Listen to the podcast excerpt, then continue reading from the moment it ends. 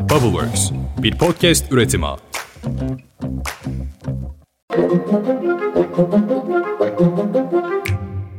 Günaydın. Bugün 10 Ağustos 2023. Ben Özlem Gürses. Bubbleworks Medya ile birlikte hazırladığımız 5 dakikada dünya gündemine hepiniz hoş geldiniz.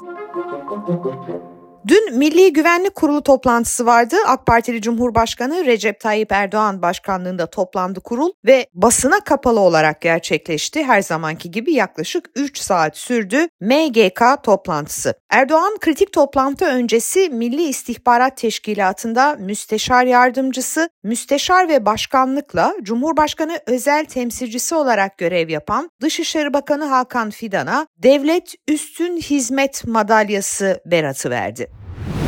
Milli Güvenlik Kurulu'ndan sonra her zaman olduğu gibi bir de yazılı bildiri yayımlandı. Eski Türkiye'de bu bildiriler uhu deprem yaratırdı. Şimdi kimse haber bile yapmıyor aslına bakarsanız. MGK'nın bu 7 maddelik bildirisinde Rusya ile Ukrayna arasındaki savaşın gidişatı ve bölgeye yönelik muhtemel etkilerinin etraflıca ele alındığı vurgulanıyor. Karadeniz'de gerginliğin tırmanmasının kimsenin çıkarlarına olmayacağı da kaydedilmiş. Yani sizin anlayacağınız Suriye, Karadeniz ve Rusya gündemi MGK'nın önemli gündem maddelerinden biri olmuş. Bu arada Milli Savunma Bakanlığı'ndan bir acı haber geldi. Suriye'de devam eden Pençe Kilit Operasyonu'nda iki askerimizi şehit vermişiz. Bakanlığın açıklamasına göre teröristlerin açtığı taciz ateşi sonucu iki askerimiz şehit olmuş, üç askerimiz de yaralanmış. Suriye ile devam edelim. Suriye Devlet Başkanı Beşar Esad Sky News Arapça kanalına bir mülakat, bir röportaj verdi ve dün gece tamamı yayınlandı. Bu söyleşide AK Partili Cumhurbaşkanı Tayyip Erdoğan'la görüşme olasılığına ilişkin bir soru da soruluyor Beşar Esad'a. Çünkü malumunuz aslında istihbarat boyutunda bu ikili görüşmeler, Dışişleri Bakanlığı boyutunda bu ikili görüşmeler devam ediyordu. Dörtlü bir müzakere masası kurulmuştu fakat bir türlü iki lider yan yana fotoğraf vermiyordu. Beşar Esad bu görüşme Erdoğan'ın sunduğu koşullar altında asla gerçekleşemez diyor verdiği bu son röportajda. Sky News Arapça kanalında yayınlanan söyleşide Esad sadece savaşı değil aynı zamanda uyuşturucu sorununu, mültecilerin geri dönüşlerini, ekonomideki zorlukları, Suriye-Arap ilişkilerinin geleceğini, Lübnan'daki durumu da değerlendirmiş ve Erdoğan'la anlaşmazlık yaşadığı konuları da kapsamlıca anlatmış. Geçelim Rusya'ya. Rus haber ajansı TASS, Rusya'nın Kıbrıs Cumhuriyeti Büyükelçiliği'nin Kuzey Kıbrıs'taki Rus vatandaşlarına yönelik konsolosluk hizmeti vermeye başlayacağını bildirdi. Şimdi bu çok enteresan bir haber. TAS'ın haberine göre Rusya, Kıbrıs Cumhuriyeti Büyükelçiliğinden bir yetkilinin çok yakın bir zamanda Lefkoşa şehrinin kuzeyinde konsolosluk hizmetleri vermeye başlayacağını söylemiş. Çalışmalar düzenli şekilde yapılacak diyor bu Rus yetkili. Yani şu mu bu? Kuzey Kıbrıs Türk Cumhuriyeti'nde Rusya bir konsolosluk mu açıyor? Tam öyle değil anladığım kadarıyla. Rusya'nın Kıbrıs'ın kuzeyinde yaşayan Rus vatandaşlarına yönelik yükümlülüklerini yerine getirmek için attığı bir adım. Zaten orada Amerika Birleşik Devletleri, İngiltere, Almanya, İtalya ve Fransa'nın da uzun süredir benzer konsolosluk hizmetleri verdiği de hatırlatılmış haberde. Bu haberin yayılmasından hemen sonra Kuzey Kıbrıs Türk Cumhuriyeti Cumhurbaşkanı Ersin Tatar bir açıklama yaptı. Cumhurbaşkanı Ersin Tatar katıldığı canlı yayında bu adımın Cumhurbaşkanı Recep Tayyip Erdoğan'ın KKTC'nin tanınması yönündeki hamlelerinden sonra geldiğini vurgulamış. Yani diyor ki böyle bir şey mümkün olabildiyse Erdoğan'ın çalışmaları sayesinde mümkün oldu diyor. Bir duyalım. Ondan sonraki süreçte Sayın Cumhurbaşkanı'nın her vesile yaptığı açıklamalar 12 Haziran günü e, buraya ziyareti ki ilk yurt dışı ziyareti olarak Kuzey Kıbrıs Türk evet. gelmişti.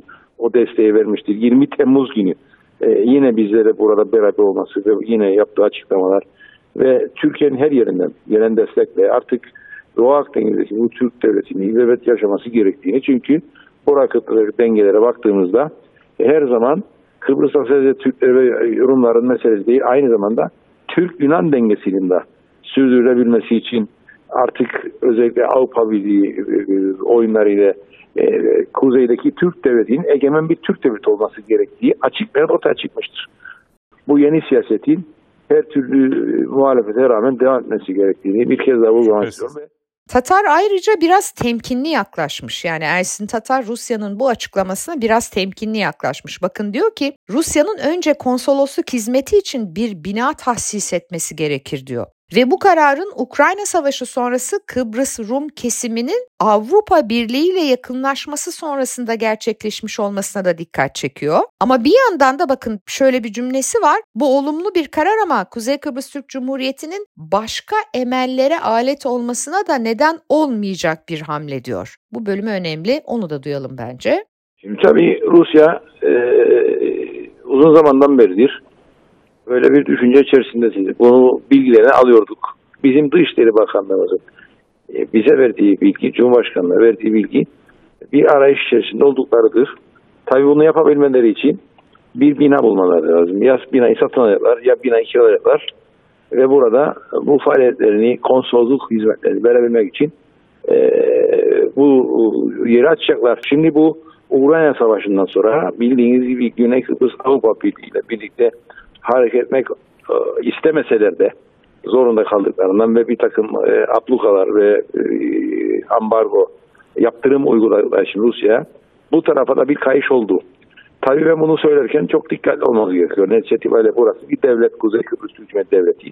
Biz kimsenin farklı emellerine alet olmayız. Gördüğünüz gibi dış politikada Karadeniz'de ve Rusya-Suriye, Türkiye üçgeninde enteresan gelişmeler yaşanmaya devam ediyor. Gelelim Türkiye'nin zam gündemine. İstanbul Esnaf ve Sanatkar Odaları Birliği Yönetim Kurulu UKOME'den çıkan zam oranını beğenmeyen İstanbul Taksiciler Odası'nın başvurusunu yetkimiz yok diyerek reddetti. Ne olmuştu hatırlayalım. Dün UKOME'den toplu taşıma %51,5 oranında zam gelmişti. Taksi fiyatları da zamlanmıştı fakat Taksiciler Odası beğenmemişti. Biz bu zammı reddediyoruz, biz kendi tarifemizi uygulayacağız demişti. Ama İstanbul Sanatkarlar ve Esnaf Odaları Birliği yönetim kurulu öyle bir şey yapamazsınız diyor. Onun üzerine taksiciler odası geri adım attı. Eyüp Aksu dün yaptığı açıklamada zammı uygulayacaklarını söyledi. Şimdi biz yetkililerimizle görüşüyoruz. Büyükşehir Belediye'mizin verdiği bizim oransal anlamda az bulduğumuz tarifeyi biz uygulayacağız. Fakat acil bir şekilde tekrar Büyükşehir Belediye'mize ek gündem olarak, ek tarife iyileştirmesi olarak tekrar zam talebinde bulunacağız.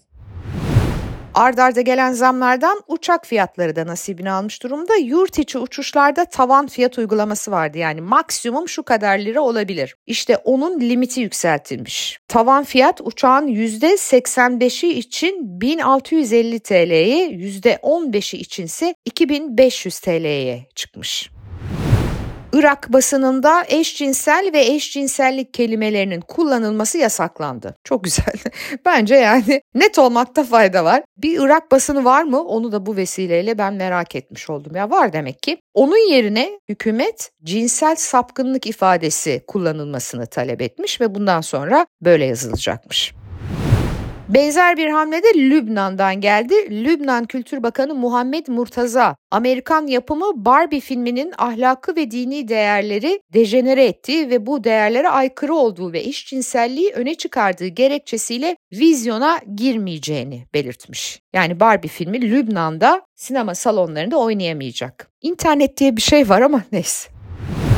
Arkadaşlar meteorolojiden gene uyarı var. Çarşamba, Perşembe, Cuma günü yani bugünden başlayarak İstanbul dahil Kuzey Marmara'da bu sefer de kuvvetli sağanak yağış geliyor. Aman dikkat diyelim yani bayağı ciddi fırtına uyarısı var. Sonraki haftada zaten biliyorsunuz Basra sıcakları gelecek ve yine acayip nemli ve sıcak havalara uyanacağız. Gündem sıcak, hava sıcak. Sınavımız büyük bu yaz mevsiminde. Yarın sabah günün serin saatlerinde siz yürürken, işe giderken, kahvaltı sofranızı kurarken tekrar kulaklarınıza dolmak üzere. Hoşçakalın.